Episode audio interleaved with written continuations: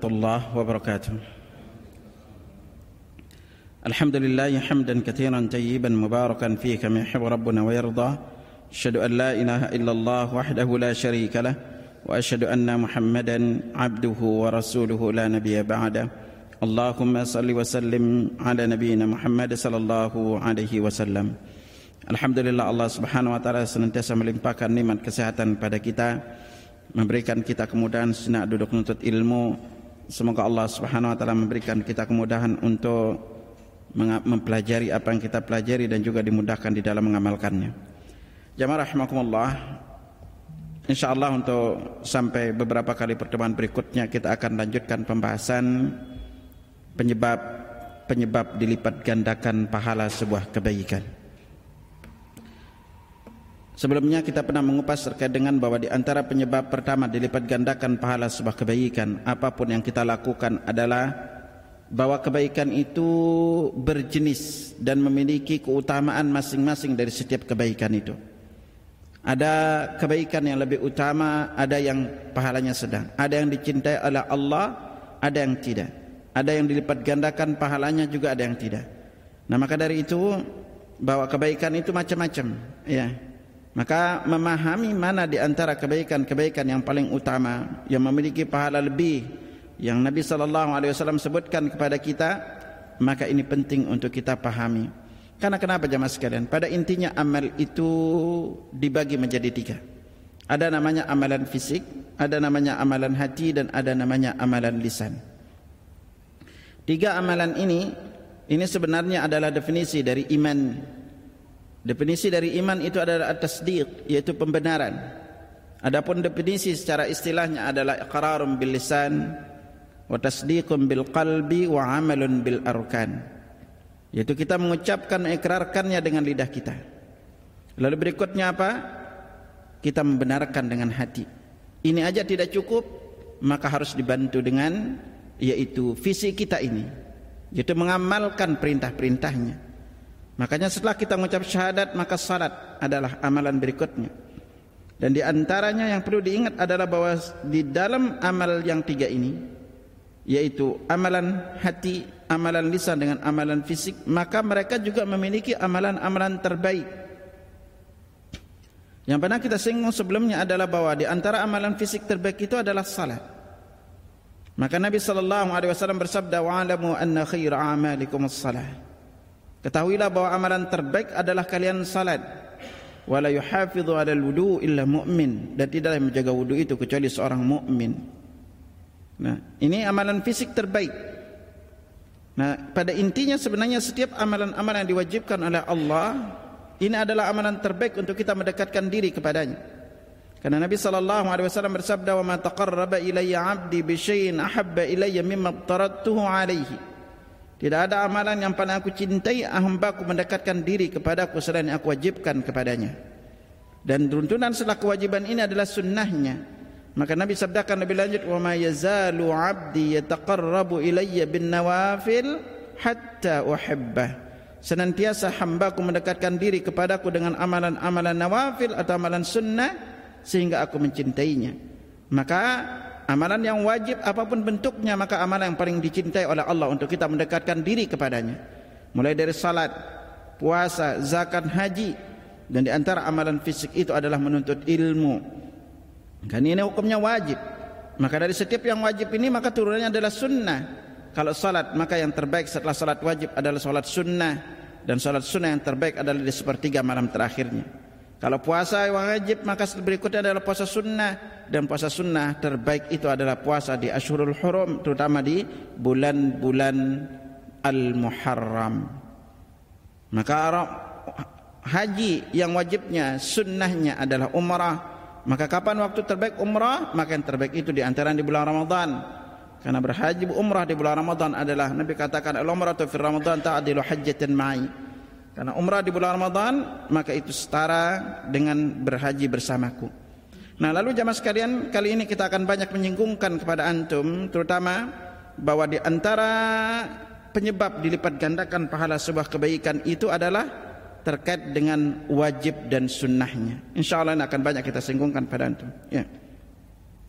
Tafadhul al-amal bi'tibari al-wujubi nafl.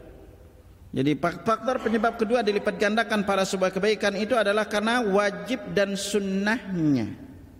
Maka dijelaskan tafa tatafadulul a'mal fil Islam bi'tibar inqisamiha ila wajibatin wa nawafil. Jadi pembagian keutamaan keutamaan amal di dalam Islam itu dibagi berdasarkan wajib dan sunnahnya. Fal wajibatu afdalu minan nawafil yang wajib-wajib itu lebih wajib, lebih besar lebih utama dibanding yang sunnah. Wadaul wajibat ahabu ilallah min ada'in nawafil. Melaksanakan yang wajib ini maka lebih Allah cintai dibanding yang sunnah.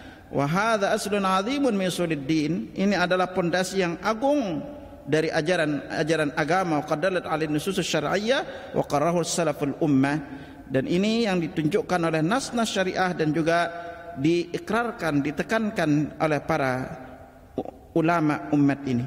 Karena itulah Nabi sallallahu alaihi wasallam bersabda kata liman diriwayatkan Abu Hurairah radhiyallahu anhu diriwayatkan oleh Imam Al-Bukhari inna Allah qala Allah taala berfirman man adani waliyan faqad adzantu bil harb. Barang siapa yang memusuhi waliku maka dia telah menyatakan perang denganku. Wa ma taqarraba ilayya 'abdi bi syai'in habba ilayya mimma aftaradtuhu alaihi tidak ada amalan yang paling aku cintai hambaku mendekatkan diri kepadaku selain aku wajibkan kepadanya. Wa ma yazalu 'abdi yataqarrabu ilayya bin nawafil hatta uhibbah. Senantiasa hambaku mendekatkan diri kepadaku dengan amalan sunnah sehingga aku pun mencintainya. Padahal al-hadits dalalatan zahiratan ala anna al-wajibati afdalu 'inda Allah. Hadis ini menunjukkan dalil yang nyata bahwa yang wajib itu lebih dicintai lebih utama di sisi Allah wa habbu min nawafil dan lebih dicintai dibanding amal yang sunnah. Sehingga Al-Hafidh Ibn Hajar Asqalani ketika mensyarah hadis ini dalam Fathul Bari beliau menjelaskan istafadu minhu an ada al-faraidi ahabbul a'mali ila Allah.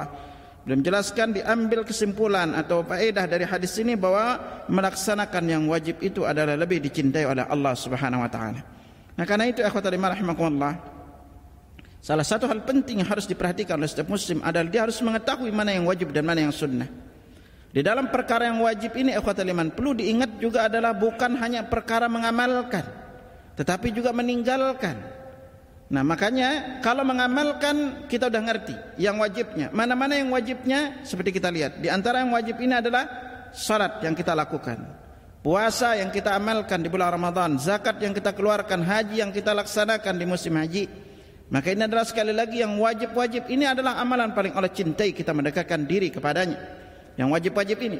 Nah tadi kita singgungkan juga bahwa dari turunan yang wajib ini maka ada yang sunnahnya. Nah kalau yang wajib adalah amalan paling kita dicintai oleh Allah mendekatkan diri kepadanya maka apabila kita melaksanakan yang sunnahnya maka ini adalah penyebab kita mendapatkan kecintaan dari Allah Subhanahu Wa Taala. Makanya Nabi katakan kepada kita maizalu abdi yataqarrabu ilayya bin nawafil hatta uhibba. Senantiasa hambaku mendekatkan diri kepadaku dengan amalan sunnah sehingga aku pun mencintainya. Makanya kata nawafil ini adalah di luar hal-hal yang diwajibkan atau tambahan kebaikan di luar yang diwajibkan. Makanya ketika terkait dengan masalah tahajud Allah berfirman wa minal laili fatahajjad bihi nafilatan lak. Di antara sebagian malam itu bertahajudlah kalian nafilatan lak sebagai tambahan kebaikan bagi kalian. Asa an yam'ataka rabbuka maqaman mahmuda. Semoga Tuhan membangkitkan pun di tempat yang terpuji. Makanya di sini akhwatul iman apa yang sifatnya sunnah maka penyebab kita mendapatkan kecintaan Allah. Dan apa pun yang sifatnya wajib maka ini adalah penyebab kita atau amalan kita paling utama. Nah mengetahui ini sangat penting.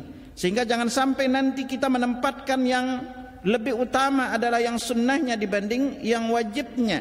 Makanya Umar bin Khattab radhiyallahu pernah berkata Abdul amal ada umat amalan yang paling abdal adalah melaksanakan yang Allah wajibkan.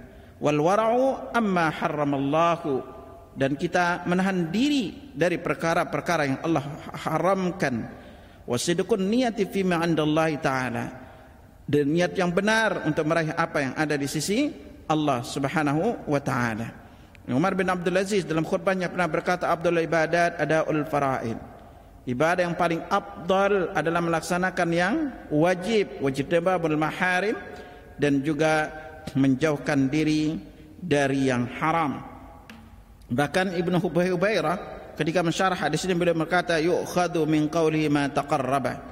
Diambil faedah dari hadis yang berbunyi tidaklah seorang hamba mendekatkan diri kepada aku dengan wajib anna nafilata la tuqaddimu al fariidah yang sunnah itu tidak boleh didahulukan dibanding yang wajib. Li anna nafilata inna masumiyat nafilatan karena yang disebut dengan kalimat nafilah adalah dikatakan nafilah li anna ta'ti zaidatan al fariidah karena datang setelah yang diwajibkan makanya lalu para ulama yang seperti ini banyak menjelaskan akan pentingnya terkait dengan melaksanakan yang wajib. Makanya Syekhul Islam Ibnu Taimiyah pernah ditanya di antara salah satu pertanyaannya adalah ayyuma talabul ilmi awal talabul Quran awil almi abdal. Manakah lebih abdal belajar Al-Quran atau belajar ilmu? Beliau menjawab amal ladhi amal ilmu alladhi yajibu 'ala insan ainan ka ilma ma amara Allah bihi wa ma naha Allah anhu fa huwa muqaddamu 'ala hibdi ma la yajibu min al-Quran.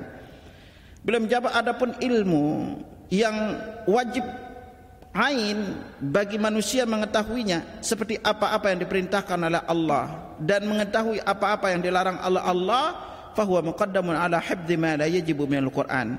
Maka tetap lebih diutadahulukan dibanding menghafal yang tidak wajib yang berasal dari Al-Qur'an. Fa inna talabal al-awwal wajib. Karena menuntut ilmu yang pertama itu terkait dengan apa-apa yang orang perintahkan orang larang hukumnya wajib pada betani mustahab. Sedangkan yang kedua itu menghafal Al-Quran secara hukum adalah mustahab. Wal wajibu qadama mustahab. Yang wajib itu didahulukan dibanding yang sifatnya adalah anjuran makanya di antara para ulama juga berkata man syaghalul fardhi anin nafli fahuwa ma'dzur Barang siapa disebutkan dengan perkara-perkara yang sifatnya wajib dibanding yang sunnah, maka dia itu termaafkan. Wa man syaghalhu naflu 'alal fardi fahuwa magrur. Sedangkan siapa saja yang disebutkan oleh amalan sunnah namun melupakan yang wajibnya, maka dia termasuk orang yang tertipu. Nah, di sinilah ikhwatul iman rahimakumullah. Kalau kita memperhatikan hadis-hadis yang terkait dengan masalah bagaimana perintah untuk mendahulukan yang wajib dan bagaimana besarnya pahala mendahulukan yang wajib ini maka sungguh ini penting untuk dipahami oleh setiap muslim. Karena ada di antara amalan itu sifatnya adalah fardu ain. Seperti misalnya berdakwah. Berdakwah secara hukum adalah hukumnya fardu ain. Eh fardu kifayah. Ya fardu kifayah. Menuntut ilmu itu adalah fardu ain bagi setiap muslim makanya sebelum kita mengajar sebelum kita berdakwah maka kewajiban pertama kita adalah belajar dulu Jangan sampai nanti kita menyampaikan sesuatu di luar apa yang disyariatkan oleh Allah dan Rasulnya. Karena kenapa? Salah satu dosa besar di dalam Islam adalah berbicara terkait dengan perkara agama ini tanpa ilmu.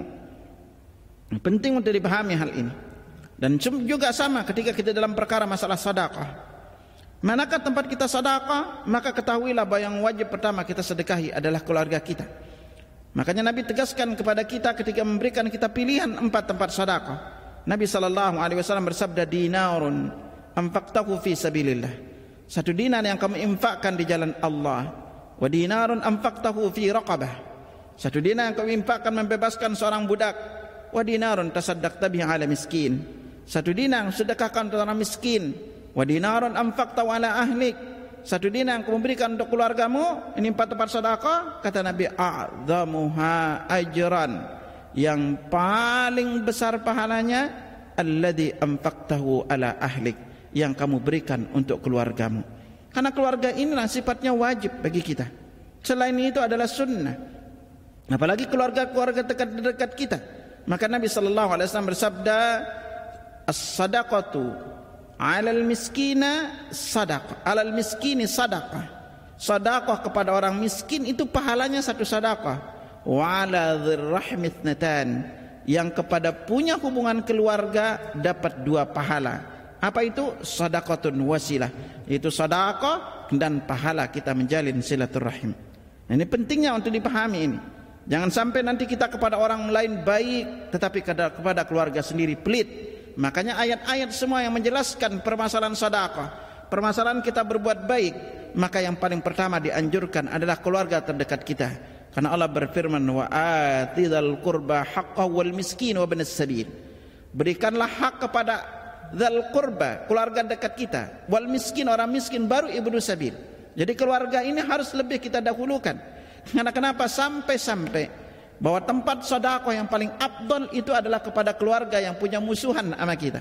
Karena itu Nabi katakan abdul sedekah. Sedekah yang paling abdul ala dzirrahimil kasyih yaitu kepada saudara, keluarga kita. Kasyih yang punya dendam pribadi, yang punya masalah pribadi dengan kita. Justru kepada mereka lah lebih dianjurkan untuk kita bersedekah bahkan lebih abdul. Karena kenapa? Di dalam Islam yang disebut dengan menyambung silaturahim itu adalah bukan kepada orang selama ini nyambung silaturahim dengan kita. Justru yang disebut dengan menyambung silaturahim adalah orang-orang yang memutuskan kita silaturahim terutama kepada keluarga terdekat kita. Makanya dengan memahami posisi seperti ini, ini akan menjadikan setiap muslim itu menempatkan arah posisinya itu lebih utama. Apalagi kita sebagai seorang muslim, ketahuilah bahwa bagi seorang suami kewajiban pertamanya setelah Allah dan Rasulnya itu adalah berbakti kepada kedua orang tuanya, baru ke istrinya. Tetapi berbeda dengan istri, maka kewajiban pertamanya setelah Allah dan Rasulnya itu adalah berbakti kepada suaminya. Maka ini harus ditempatkan pada posisinya agar nanti tidak salah kaprah Sampai-sampai Nabi tegaskan kepada kita, siapa saja wanita yang dipanggil oleh suaminya, maka adalah dia memenuhi panggilannya walaupun dia itu sibuk di dapur. Seorang wanita itu pun kalau dia mau puasa sunnah harus izin suaminya. Tidak boleh dia berpuasa sunnah kecuali dia izin kepada suaminya. Dan ini kita berbicara kewajiban. Lalu bagaimana dengan sedekah? Kalau antum punya banyak utang, lunasin utang baru sedekah. Karena hutang secara hukum adalah wajib untuk ditunaikan. Tetapi sedekah itu secara hukum kita tahu adalah sunnah. Ya. Kalau antum punya banyak utang mending bayar utang dulu baru umrah. Karena kenapa ikhwatal iman? Di bab melaksanakan bukan hanya dalam perkara masalah melaksanakan yang wajib tetapi juga meninggalkan perkara-perkara yang haram. Jadi kenapa ada yang wajib itu sekali lagi bukan hanya melaksanakan tapi meninggalkan juga hukumnya wajib. Sampai-sampai di dalam perkara zina Allah berfirman wala taqrabuz zina. Jangan kamu mendekati zina. Mendekatinya aja kita udah dilarang. Allah tegaskan innahu kana fahishan wa maqtan wa sabil. Karena ini perbuatan keji. Ya. Makanya kita pun menjauhinya. Sama juga di antara perkara-perkara yang haram untuk kita kerjakan adalah perkara-perkara yang akan mengantarkan kita kepada kebinasaan. Maka Nabi tegaskan kepada kita dan ini menjadi kawaid fiqhiyah al-kubra yaitu la darara wala dirar. Tidak boleh mencelakakan diri sendiri atau mencelakakan orang lain. Jadi apa pun bentuknya perkara yang menjadikan orang itu celaka menjadikan diri kita celaka maka secara hukum wajib untuk kita jauhi. Makanya termasuk dosa besar akhi kalau antum tahu antum menelpon di saat menyetir kendaraan itu akan terjadi kecelakaan kecelakaan itu kalau kita melakukan jadi dosa.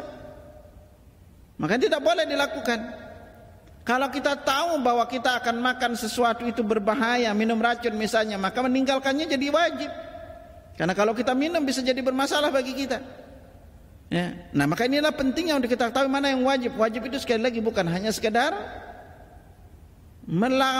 mengamalkan, tetapi meninggalkan juga menjadi wajib. Apa pun itu, setiap perkara-perkara yang mengantarkan kita kepada kebinasaan, perkara-perkara yang mengantarkan kita kepada kemaksiatan, perkara-perkara yang akan mengantarkan kita kepada kekeliruan, maka kita pun diperintahkan untuk pertama kali dulu menjauhinya. Ya. Dalam hal khamar pun Allah berfirman, "Innamal khamru wal maisiru wal ansabu rijsun min amali syaitan." Sesungguhnya khamar wal maisir dinas wal ansab Allah tegaskan rijsun min amali syaitan itu termasuk perbuatan najis dari syaitan. Kata Allah, "Fajtanibuhu." Jauhi dia.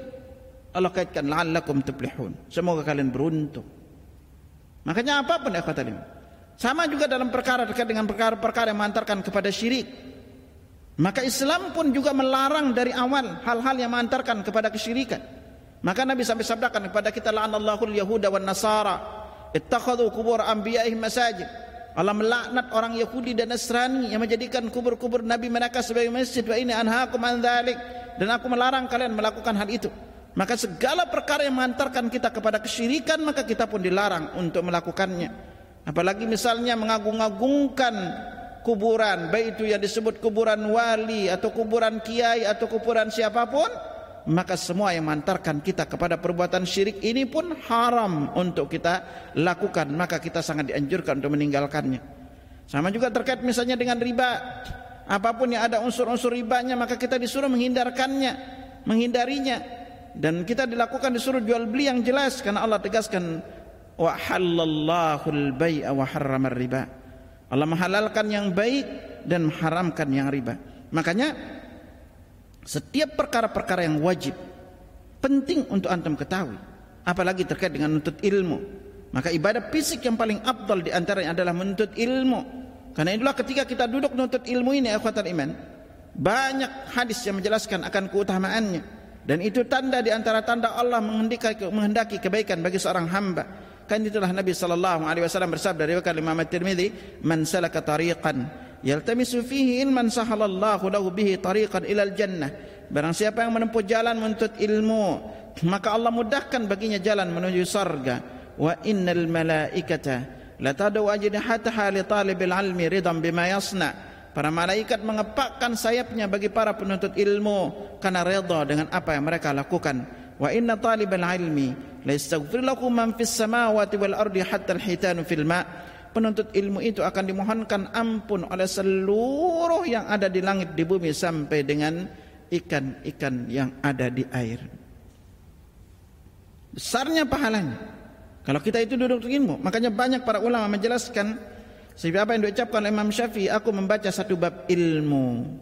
Lebih aku cintai dibanding salat malam walaupun seribu rakaat Karena bagaimanapun salat itu adalah salat sunnah, sedangkan menuntut ilmu itu hukumnya adalah wajib. Nah, dari sini kita belajar apa?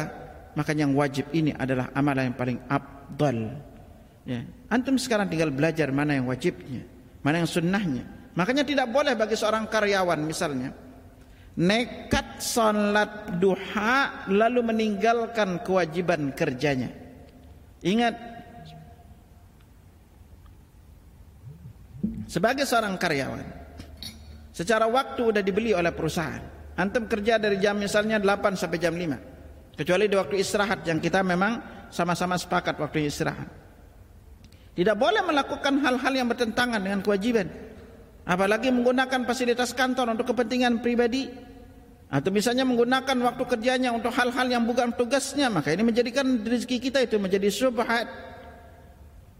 Karena antum sudah diberi, Ustaz kan saya salat sunnah. Iya benar antum salat sunnah dan itu baik. Tapi ingat, antum terikat perjanjian dengan perusahaan bahwa itu adalah jam kerja. Tidak boleh untuk kita lakukan. Di sinilah makanya setiap muslim itu perlu paham hal ini. Agar jangan sampai nanti dia melantarkan yang wajibnya. Itu. Apalagi sampai melakukan kegiatan-kegiatan yang sangat berbeda dengan tugas-tugasnya. Apalagi antum misalnya jadi PNS. Gaji kepengen tetap tapi masuknya juga suka telat. Ya. udah telat pingin lebih awal pulang gitu. Ya. nah ini menjadikan kita itu menjadi zolim ikhwatal iman. Ya. karena kita meletakkan sesuatu itu bukan pada tempatnya. Maka di sinilah pentingnya setiap muslim itu paham. Yang wajib-wajib ini juga banyak. Contoh seperti apa? Ketika orang tua kita memanggil kita sedangkan kita salat sunnah maka tinggalkan salat sunnah penuhi panggilan orang tua Ini antara hal penting yang perlu kita ketahui. Agar jangan sampai nanti kita tidak memenuhi ini karena ketidakngertian kita. Ya, nah makanya sekali lagi banyak sisi-sisi wajib yang harus kita pelajari. Baik itu dari sisi kita sebagai seorang muslim, kita sebagai tetangga, kita sebagai orang tua. Sama juga halnya ketika orang tua memberikan pendidikan agama, memberikan pendidikan umum kepada anaknya. Dia sekolahkan anaknya tinggi-tinggi sampai bergelar depan belakang semua ada gelarnya. Tetapi kalau dia bodoh terhadap agamanya maka tetap orang tua itu berdosa. Bahkan di antara perkara yang Allah celah itu orang-orang yang pintar dalam perkara dunia tapi bodoh dalam perkara akhirat. Allah berfirman ya alamuna zahiran minal hayatid dunya wa hum 'anil akhirati ghafilun. Mereka dalam perkara dunia tahu tetapi dalam perkara akhirat itu mereka itu sangat lalai. Nah di sinilah pentingnya ikhwatal iman rahimakumullah bagi setiap muslim mengerti akan hal ini agar dia bisa menempatkan posisi pada tempatnya. Karena menempatkan pada posisi pada tempatnya ini adalah disebut dengan adil. Nah, sama juga dengan anak-anak kita. Maka orang tua itu tidak boleh pilih kasih ke salah satu anak yang menjadikan anaknya lainnya itu iri. Tidak boleh seorang itu ketika belum meninggal dunia lalu dia membagikan hartanya dengan alasan agar sama rata. Karena anak-anak semuanya berbagi, berbakti kepadanya. Maka ini juga tidak boleh. Nah makanya ikhwatal iman rahimakumullah. Berilmu sebelum beramal adalah perkara penting yang sangat dianjurkan di dalam Islam. Makanya begitu banyak para ulama yang menjelaskan akan hal ini agar kita sebagai seorang muslim paham mana yang wajib dan mana yang sunnahnya. Nah dari yang sunnah maka lakukan dulu yang wajibnya. Bahkan Allah tidak akan terima amalan yang sunnah sampai dia melakukan yang wajibnya dulu. Maka dari itu seorang muslim tidak boleh mengakhirkan salat isya sekalian salat tahajud. Oh malam deh sekalian tahajud aja isya nanti tidur dulu. Ini perkara yang tidak boleh. Itu. Allah tidak akan terima tahajud antum karena antum termasuk orang yang melalaikan kewajiban antum salat isya. Memang Nabi jelaskan bahwa salat isya itu boleh diundur, tetapi mengundurnya sampai sepertiga malam terakhir sekalian bangun tahajud, maka ini adalah orang-orang yang apa amalan yang keliru. Maka lakukan dulu salat isya, setelah itu antum bisa tidur nanti sepertiga malam terakhirnya bisa untuk bangun salat tahajud. Nah inilah ikhwatan iman rahimakumullah bab terkait dengan sunnah dan wajib ini memang penting untuk kita pelajari agar kita tahu ya. Tetapi dijelaskan wa qadzaba ba'dul ulama'il mutaakhirin ila anna al-fara'id afdalu min an-nawafil illa fi arba'i masail. Di antara para ulama belakangan itu mereka berpendapat bahwa ada amalan sunnah yang lebih abdal dibanding yang wajib kecuali di empat tempat. Jadi kalau di empat tempat ini maka yang paling abdal adalah sunnah bukannya yang wajib. Kapan itu? Yang pertama, eh, ibda'us salam afdal meraddihi. Jadi memulai salam lebih abdal dibanding menjawabnya. Ma'anna ibtida'is salam sunnatun waradduhu wajib. Padahal mengucap salam, memulai mengucapkan salam secara hukum adalah sunnah, menjawabnya hukumnya wajib. Ya. Nah di sini berarti yang lebih abdal adalah yang sunnahnya dibanding yang wajibnya. Ya. Yang kedua, di antaranya adalah ibra'ul mu'sir sunnatun membebaskan utang orang yang kesulitan hukumnya sunnah. Wa abdal min dhari ma anna indharahu wajibun. Lebih abdol dibanding dengan memberikan penundaan. Ya. Padahal memberikan penundaan pembayaran hutang orang kesulitan bayar hutang secara hukum adalah wajib tapi kalau antum mampu putihkan utangnya memang ikhwatal iman ketika kita meminjamkan uang ingatlah selalu pahalanya berat dan meminjamkan uang itu ibadah besar pahala di sisi Allah. Eh, karena godaannya juga berat. Sampai Nabi sediakan kita pahala pertama. Inna salafa yajri madrasyatis sadaqah. Pinjaman itu setengahnya dihitung sadaqah. Maka Ibnu Mas'ud berkata aku lebih senang meminjamkan uang dua kali dibanding sedekah sekali. Ya. Jadi antum meminjamkan uang itu lebih gede pahalanya dibanding sedekah. Ustaz lalu gimana kalau dia itu sulit bayar utang? Bersyukurlah punya teman yang sulit bayar utang. Kenapa? Lihat pahalanya. Karena Nabi SAW bersabda man andara mu'asiran. Barang siapa yang memberikan penundaan pembayaran hutang orang kesulitan bayar hutang. Pas antum datang ke rumahnya memang dia sulit kondisi sekarang itu. Dan antum bersabar menerima hal itu, maka Nabi katakan falahu bi kulli yaumin mitlu sadaqatun qabla an dain. Setiap hari dihitung sedekah sejumlah uang yang dia pinjam sampai dengan utangnya lunas. Subhanallah. Makanya kalau antum pinjamin teman itu duit satu juta. Lalu pas ditagih dia nggak punya duit kalau lagi lapang rezeki antum bilang aja udah balikin tahun depan aja lah itu antum tinggal hitung tuh berarti setiap hari dihitung sedekah sebanyak sejuta. Setiap hari. Pernah sedekah sejuta sehari enggak jangankan sejuta sehari. Ya, antum lihat aja tuh warna apa yang sering antum masukin ke kotak amal tuh? Kalau antum suka masukin warnanya abu-abu itu tandanya rezeki antum abu-abu. Kalau kepingin rezeki antum cerah, sering-sering masukkan ke kotak amal yang warnanya cerah. Itu aja gitu. Masukin yang warna cerah-cerah dijamin rezeki antum cerah. Kalau antum suka masukin warnanya abu-abu ya rezeki antum abu-abu. Remang-remang gitu. Ya kan? Nah, makanya kalau antum udah ngasih dia pinjam uang dan dia punya dia punya kesulitan, udah nikmatin aja. Berarti dari sejak itu antum dicatat sedekah setiap harinya sebanyak satu juta. Allahu Akbar. Ya. Udah nanti berjalan aja biarin tahun depan sampai tahun depan datang sama dia baik-baik. Alhamdulillah. Lewat perantaraan antum tahun ini mana bisa sedekah 365 juta. Yang satu juta itu saya ikhlasin antum gak usah bayar. Tanya balik ke dia mau pinjam duit lagi enggak? Ya. Ya. Tiap hari itu. Ah Ustaz gimana kalau saya putihin aja utangnya? Karena kasihan. Kalau antum putihin utangnya maka pahala sedekahnya berhenti. Tapi berubah pahala. Nabi katakan man antara mu'asiran.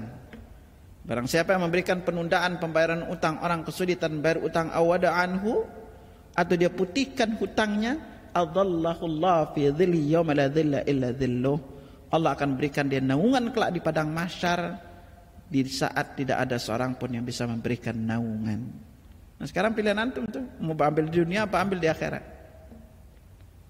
itu. ya Ustaz gimana kalau saya lagi lapang rezeki nih kasih aja dia pinjem kan orang yang minjem itu ada yang sulit bayar ada yang gampang bayar kalau orangnya gampang bayar, jujur, maka antum kerjasama lagi sama dia. Pas dia mau bayar utang, tanyain baik-baik. Itu. Datang baik-baik. Alhamdulillah anda dapat rezeki nih, anda mau bayar utang aja kemarin anda pinjam. Tanya dia, ini orangnya jujur, tanya aja balik. Butuh nggak duit itu? Masih butuh nggak duit itu? ya kalau dia bilang masih butuh, sebenarnya kita udah janji udah. Antum pakai aja dulu. Nanti kalau benar-benar lapang baru balikin. Apa kata Nabi? Fa idza haladain. Kalau dia mau bayar hutang lalu ditunda lagi pembayaran hutangnya, kata Nabi falahu bikulli yaumin mitlahu sadaqah. Setiap hari dapat sedekah dua kali lipatnya. Ini makanan tuh cari aja tuh orang-orang sulit bayar utang. Ya, sering-sering pinjemin. Ya. ya. Besar pahalanya minjamkan uang itu. Gitu. Ya, tapi kalau antum udah pinjamin uang harus siap-siap nah, tidak kembali ya. Nah jadi di sini Ibrahim Musir sunnah membebaskan piutang dari orang kesulitan hukum sunnah wa abd uh, wa abdal min indhari ma'ana indharahu wajib. Lebih abdal dibanding memberikan penundaan padahal secara hukum penundaan itu hukumnya wajib. Nah. Berikutnya apa? At-tatahuru qabla waktu sunnatun. Yang ketiga, bersuci, berwudu sebelum waktu salat hukumnya sunnah. Wa badal waktu wajibun. Setelah masuk waktu hukumnya wajib. Wahwa qabla waktu afdal bersuci sebelum waktunya itu lebih utama. Ya antum udah tahu oh lihat jam. Oh, 15 menit muadzan antum udah wudu udah rapi. Itu secara hukum sunnah. Tapi kalau udah masuk waktu sholat ya antum wajib tetap harus melakukannya tapi ketika kita mau berwudu bersiap-siap sebelum sholat kita udah siap-siap untuk ke masjid maka ini lebih afdal ya yang ketiga, yang keempat, al-khitanu qabla al-bulughi sunnatun. Khitan, khitannya sebelum balik itu hukumnya adalah sunnah. Wa huwa afdalu minhu ba'da al-bulughi wa wajib. Lebih abdal dari dilakukan setelah balik. Padahal setelah balik itu hukumnya adalah wajib. Ini makanya kebanyakan kita di Indonesia anaknya disunat waktu kecilnya ya. Nah nah ikhwatal lima rahimakumullah. Hmm. di dalam perkara yang sunnah dan wajib ini maka Nabi juga tegaskan kepada kita dalam penjelasan inna aulan nas billahi man bada'ahum bis salam Orang atau manusia yang paling utama di sisi Allah adalah yang memulai kepada mereka mengucapkan salam. Karena memang salah satu ciri kiamat itu ikhwatal iman bahwa Nabi tegaskan kepada kita di antara ciri kiamat adalah orang itu hanya mengucap salam kepada orang yang dia kenal. Dan itu kebuktian. Kita jarang ucap salam kepada yang yang jarang yang tidak kita kenal. Tapi kalau sama yang kita kenal udah jelas gitu kan. Ya. Nah makanya apa innal nas billah min badahum bisalam. Manusia yang paling utama di sisi Allah ada yang memulai dengan salam. Ya. Gitu. Jadi yang paling mulai di antara mereka adalah mulai dengan salam. Jadi kapan pun kita memulai ini yang paling abdal kita lakukan. Nah, sehingga kita mengucapkan salam ini menjadi salah satu di antara sunnah yang Nabi perintahkan pada kita. Maka Nabi katakan Assalam abshus salam bainakum. Tebarkan salam di antara kalian. Jadi kita disunnahkan untuk mengucapkan salam ini sebagai bentuk dari doa yang kita apa baca. Makanya Salah satu perkara juga yang dilarang di dalam Islam adalah yaitu Nabi tegaskan la yahillu lil muslimi yahjura akhahu fawqa thalathi layal. Tidak boleh atau haram bagi seorang muslim untuk tidak tegur sapa dengan saudaranya saudaranya di atas tiga hari. Yaltaqiyani fa ya'ridu hadha wa ya'ridu hadha.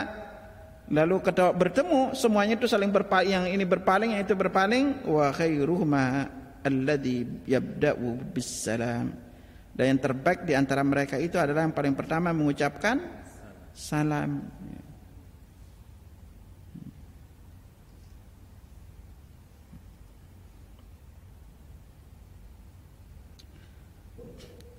Nah karena itu kata lima rahimakumullah bahwa dengan memulai kita itu ketika mengetahui yang wajib-wajib ini maka ini akan menjadikan kita menempatkan semua itu pada posisinya. Ya, menjadikan kita tahu apa yang harus kita lakukan dan menjadikan kita itu melakukan ibadah ini itu di saat memang itu dibutuhkan. Contoh misalnya apa? Ketika kita ada tamu, maka yang wajib kita lakukan adalah melayani tamu. Hmm. Jangan sibukkan diri dengan salat sunnah. Karena tamu hukumnya adalah wajib, sementara itu adalah sunnah.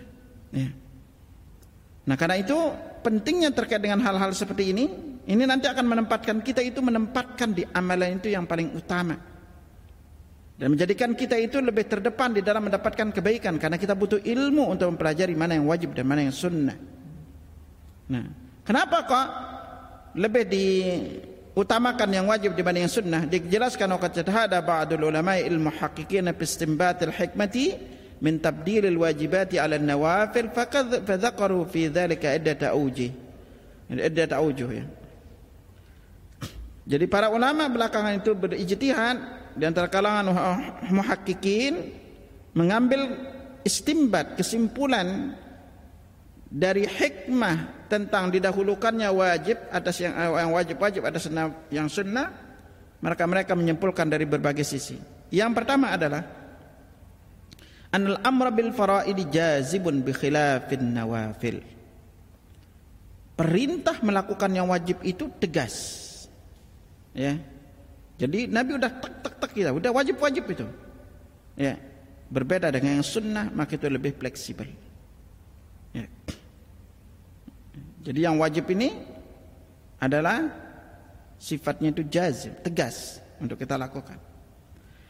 Yang kedua adalah anal faraidi yaqau bitarkihal bitarkihal muaqabah bi khilafin nawafil.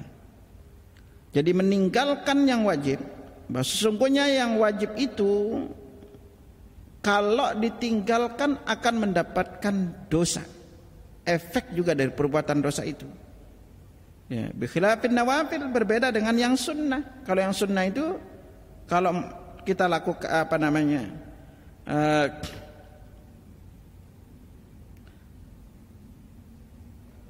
kalau yang sunnah kita tidak berdosa melakukannya meninggalkannya. Ya berbeda dengan wajib. Mana-mana yang wajib ya seperti kita salat puasa, bayar zakat. Makanya kalau kita berbicara yang wajib ini meninggalkannya adalah dosa besar, maka kita nanti melihat di dalam ayat-ayat maupun hadis itu bahwa ini sifatnya adalah wajib. Dengan kalimat-kalimatnya seperti Allah firmankan ya ayyuhalladzina amanu kutiba alaikumusiyam. Nah, di dalam bahasa Arab kalimat wajib itu tidak selamanya menggunakan kalimat wajib. Tapi menggunakan juga kalimat kutiba. Kata tubuh kitabatan lalu bentuk kutiba ini adalah eh, fi'il majhul maka jadi kutiba alim kutiba itu diwajibkan ada sekalian ya jadi berbeda dengan sunnah kalau kita tinggalkan kita tidak berdosa. Antum ke salat sunnah tidak mengapa. Tetapi kalau tidak salat wajibnya maka ini yang berdosa. Lalu berikutnya adalah anal fardhu kal as wal far wan naflu kal far'i wal bina. Jadi kalau yang Wajib itu ibarat pokok, ibarat pondasi ajaran Islam. Sementara sunnah itu ibaratkan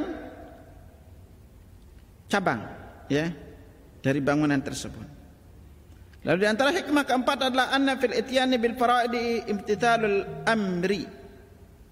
Jadi melaksanakan yang wajib itu sama dengan melaksanakan perintah. Wahtiramul amir juga menghormati yang memberi perintah wa idharu 'azamatir rububiyyati wa dhullil 'ubudiyyati juga menampakkan keagungan rububiyah Allah dan juga dhullul 'ubudiyah. Kita merendahkan diri di dalam beribadah kepada Allah. Ya wa hadhil ma'ani wa in tahaqqaqat fi nawafil lakinna laysa bimiqdari tahaqququha fil fara'id. Nah perintah yang empat ini tadi bahwa kalau kita melakukan yang wajib itu sifatnya adalah jazim tegas dengan yang sunnah. Lalu kalau kita melakukan yang wajib meninggalkan yang wajib maka berdosa. Ya kalau yang sunnah itu tidak.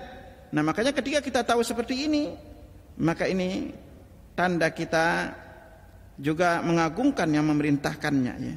Maka dijelaskan anna fil ityan bil fara'id amri wa ihtiramul amir. Itu melaksanakan yang wajib itu adalah melaksanakan perintah yang memerintahkan dan juga menghormati yang memberi perintah.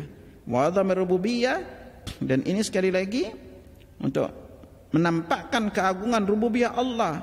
Juga kita menghinakan diri dalam rangka ibadah kepada Allah dan ini memang ada di dalam yang sunnah sama. Tetapi apa dijelaskan? Wa in tahaqqaqat fil nawafil lakinnaha laysa bi miqdari tahaqquqiha fil fard fil ada empat kandungan ini dalam perintah kita uh, hikmah di dalam melakukan yang wajib. Tetapi di dalam yang sunnah juga ada tetapi tidak sebanding dengan yang ada di dalam yang wajib ya. da dzalika li anna al-imtithal fil fara'id ala sabilil ilzam. Karena perintah untuk melakukan yang wajib itu sifatnya adalah tegas. Wa fil nawafil ala sabilit takhyir. Sedangkan untuk melakukan yang sunnah itu adalah dibebaskan sebagai bentuk pilihan. Ya. nah karena itu akhwatul iman rahimakumullah kalau kita memperhatikan amal-amal lain, maka kita mendapatkan bahwa Nabi itu sering kali sahabat minta izin berperang. Ya. Ketika mereka minta izin berperang, apa kata Nabi? Ahayun walidaka. Apakah kedua orang tuamu itu masih hidup? Ya. Lalu dia menjawab iya. Allah tegaskan, "Babihima fajahid." Maka kalau kamu ingin dapat pahala maka lakukanlah juga yang wajibnya itu dengan berbakti kepada kedua orang tua. Ya karena itu berbakti kepada orang tua ini sifatnya adalah wajib yang pahalanya itu juga besar di sisi Allah Subhanahu wa taala. Nah, karena itu ikhwatul iman rahimakumullah. Dalam hal ini misalnya kita lihat ya di dalam hak-hak makhluk. Maka Allah tegaskan kepada kita ada hak Allah yang harus kita dahulukan dibanding hak selainnya. Baru urutannya itu ke hak orang tua kita. Makanya Allah tegaskan kepada kita wa qadara rabbuka alla ta'budu illa iya wa bil walidaini ihsana. Dan Allah sudah menetapkan kepada kalian untuk beribadah kepadanya dan berbuat baik kepada kedua orang tua. Ya. Nah setelah Allah perintahnya adalah kepada orang tua. Dalam ayat lain Allah berfirman wa'budullah wa la tusyriku bihi syai'a. Allah jangan engkau menyekutukannya dengan suatu apa pun. Wa bil walidaini ihsana. Berbuat baik kepada kedua orang tua. Setelah kedua orang tua ke mana? Wa bidzil qurba. Yaitu yang punya karib hubungan karib kerabat. Wal yatama wal masakin baru yatim dan orang miskin. Jadi makanya perintah pertama terdekat itu adalah kepada perintah untuk berbakti kepada kedua orang tua dan juga orang hak orang-orang terdekat kita. Makanya dalam hal mendahulukan yang wajib juga di dalam hak makhluk juga banyak hadis-hadis yang menjelaskan. Misalnya dalam Sahih Bukhari dijelaskan hadis Ibnu Abbas anna maratan ja'at Nabi sallallahu alaihi wasallam faqalat itu Seorang wanita datang kepada Nabi sallallahu alaihi wasallam lalu dia berkata, "Inna ummi nadhar an tahujja falam tahujja hatta mata." Ibuku dah bernadar untuk haji namun dia belum berhaji sampai mati. Apa hajju anha? Apakah kau harus berhaji untuknya? Qala na'am. Nabi jawab iya. Haji anha, berhajilah untuknya. Ara'aiti ara'aiti law kana ala ummika daynun akunta qadiyatihi qadiyatuhu? Bagaimana kalau orang tuamu itu punya ibumu punya utang, apakah kamu akan membayarnya? maka iqdullah itu tunaikanlah kewajiban kepada Allah. Fallahu ahqu bil wafa. Karena Allah itu lebih berhak untuk dipenuhi janjinya atau nadarnya ya, udah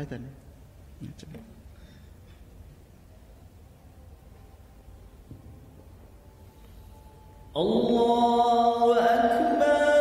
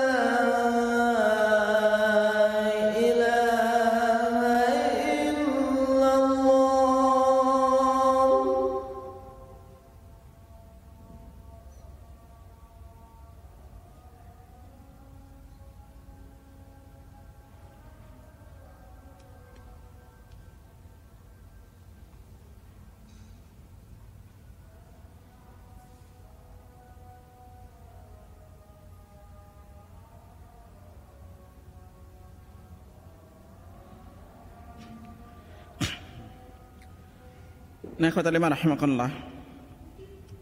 Berdasarkan hadis tadi juga ini menunjukkan bahwa apabila seorang itu punya nadar untuk melakukan sesuatu maka tetap harus dipenuhi. Walaupun Nabi tegaskan kepada kita ciri orang pelit itu adalah suka bernadar. Bahkan sebenarnya kita dilarang untuk bernadar, tidak dianjurkan bernadar. Karena orang yang suka bernadar itu Nabi tegaskan inna ma raju minal bahir. Sumber nazar itu adalah orang-orang pelit. Karena kenapa? Dia baru mau melakukan sesuatu kalau ada dapatnya. Makanya definisi selalu jika saya titik-titik maka saya titik-titik. Ini ciri orang pelit. Ya. Jika saya tahun ini dapat umroh gratis, maka saya akan sodakoh sekian. Gitu. Nah, ini orang-orang pelit. Dan makanya hak Allah itu harus didahulukan iman dibanding hak makhluk. Ya. Makanya banyak dalam hal ini ya perintah untuk kita mendahulukan hak Allah ya. Sampai Nabi sallallahu alaihi wasallam dalam hadis lain juga menjelaskan kepada kita al-imanu bid'un wa sab'un atau bid'un wa sittuna syu'bah. Iman itu memiliki 70 sekian atau 60 sekian cabang. Fa afdaluha la ilaha illallah. Yang paling abdal adalah ucapan la ilaha illallah. Wa dan yang paling rendah adalah imatatul adza anit tariq, menyingkirkan duri di jalan wal haya'u syu'batun iman. Malu itu sebagian dari iman. Nah, di sini maka bagian iman yang paling penting adalah syahadat yang Allah dahulukan dibanding terkait dengan hak-hak seperti apa salat, puasa dan lainnya. Ya. Nah bahkan ketika ditanya Nabi sallallahu alaihi wasallam manakala mengutus Muad bin Jabal ke Nabi berkata kepada innaka tuqaddimu ala qaumin min ahli kitab kamu itu nanti akan datang kepada kaum yang ahli kitab falyakun awwala ma tad'uuhum ila an yuwahhidallah an yuwahhidullah ta'ala. Maka yang paling pertama kamu ajak mereka itu adalah untuk mengesahkan Allah. Fa idza arafu dzalika fa akhbarahum anna Allah tarda alaihim khamsa salawatin fi yawmin wa fi yawmihim wa lailatihim yang kedua kalau mereka sudah memenuhi ajakanmu ajaklah mereka untuk mengesahkan Allah ya yuwahhidullah mengesahkan Allah ya. lalu berikutnya mereka itu diperintah untuk salat sebanyak lima waktu Nabi katakan fa sallu fa akhbarahum anna taradallahu alaihim zakata amwalihim tukhadu min ghanihim fataradu ala faqirihim. Kalau mereka sudah mau salat lima waktu maka beritahukan kepada mereka bahwa ada zakat di dalam harta mereka yang diambil dari orang-orang kaya lalu diberikan kepada orang miskin. Fa idza aqarru bidzalika fa minhum wa tuqi qara'im amwalin nas. Ya, kalau udah di mereka mau itu maka kalau mereka sudah mau lakukan semua tahapan ini maka ikrarkan dan buat mereka berjanji atau pegang janji mereka tapi jauhilah atau hatilah dengan harta-harta yang mulia di antara kalian maka dijelaskan pada hadis tabdil tauhid ala sa'il amal birri muta'alliq bi huquqillah ini hadis ini menunjukkan bahwa tauhid itu harus didahulukan dari semua amal kebaikan yang terkait dengan Allah Hukul makhluk begitu juga haknya makhluk wa annahu awla ma yubda'u bihi fid dawati li fadli wa syarafihi. Maka tauhid ini menjadi pondasi dasar untuk kita berdakwah. Ya, makanya tauhid yang harus lebih didahulukan untuk kita dakwah, kita ajarkan mereka agar menjauhi segala macam bentuk kesyirikan. Ya, jangan sampai nanti kita mendahulukan yang lain lalu melupakan untuk mengajarkan kepada kaum muslimin yaitu tauhid. Nah, sama juga di dalam masalah keutamaan ikhwatal iman. Nabi pernah ditanya dalam riwayat Jabir bin Abdullah an Nabi sallallahu alaihi wasallam rajul min bani Udra Nabi pernah berkata kepada seorang lelaki dari Bani Udra ibda bi nafsika fatasaddaq 'alaiha mulai dengan dirimu sendiri sedekahi dirimu sendiri fa in fadla syai fa inna fadla syai'in li ahlik kalau lebih ke keluarga fa in fadda an ahlika syai'in falidzalik qarab falidzi qarabatik kalau udah lebih masih sisa baru kepada yang punya karib kerabat. Itu. Nah ini jadi dalam hal kita sedekah pun pertama mulai dari diri sendiri, baru keluarga, baru karib kerabat, baru yang jauh, yang jauh kemudian yang paling jauh. Nah ini makanya di sini pentingnya untuk kita mengerti mana yang wajibnya dan mana yang sunnahnya dan ketahui bahwa setiap amalan yang sunnah yang wajib maka itu adalah amalan yang paling utama kita mendekatkan diri kepada Allah Subhanahu wa taala. Wallahu alam bissawab. Ada yang ditanyakan? Silakan.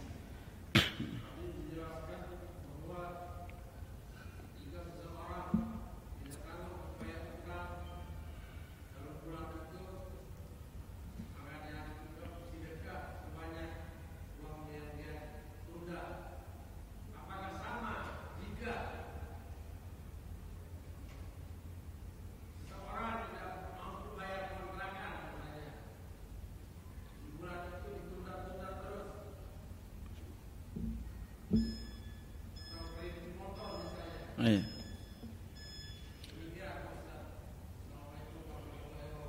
Waalaikumsalam. Ya. Pertama, akhwatal iman. Kalau memang dia kesulitan, ya sekarang pilihan antum untuk menundanya. Ya. Tapi jangan sampai nanti udah nunda tapi beli macam-macam gitu kan.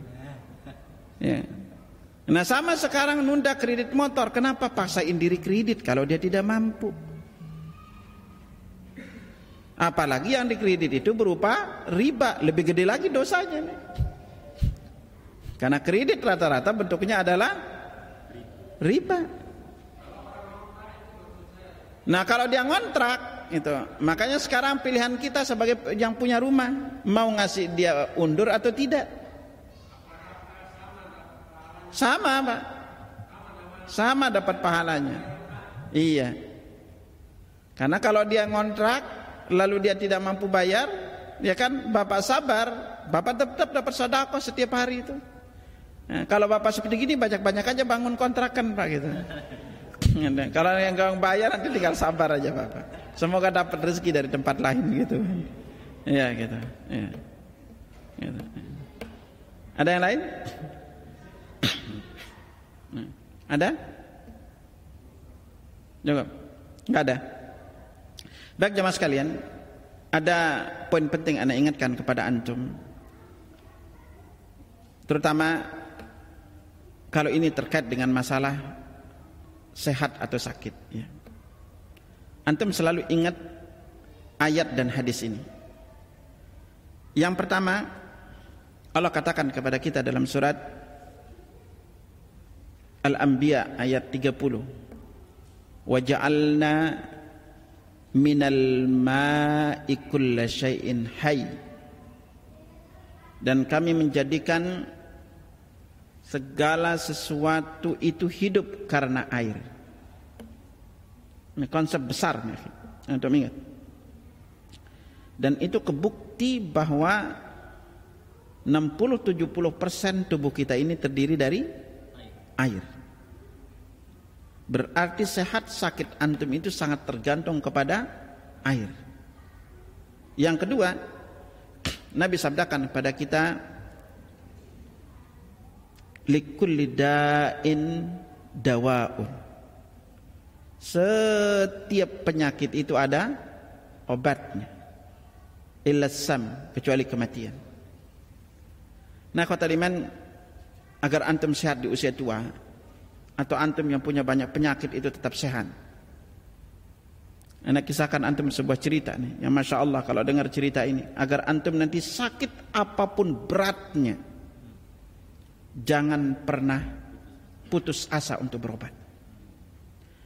Jadi ada namanya Pak Samsir. Ini singkatan namanya Samsudin Siregar. Ya. Antum dengar sakit ini ngeri sakitnya ini. Satu, beliau itu udah memasang tujuh ring di tubuhnya. Tujuh ring. Dua, beliau itu pernah operasi sinus. Udah operasi ginjal. Ya. Setiap hari itu minum 30 macam obat. Bertahun-tahun, Pak. Sampai beliau cerita mulut saya itu bau Ustaz. Kalau saya makan itu beliau sampai contohkan itu harus tutup kalau makan sama teman-teman ini harus tutup hidungnya dengan apa tisu. Kalau enggak netes. Ya. Lalu apa? Kalau saya kencing katanya. Itu orang udah noleh aja karena baunya. Ya. saya itu setiap bulan habis puluhan juta untuk beli obat. Cuma saya obatnya yang nanggung negara Ustaz. Karena saya itu anggota DPR RI saya berobat itu ke yang ngobatin saya Ustaz itu dokter-dokternya presiden, dokter terawan. Kalau saya berobat masuk rumah sakit semua itu PPIP semua Ustaz. Tapi lihat efeknya saya begitu tergantung sama obat ini nggak sembuh-sembuh.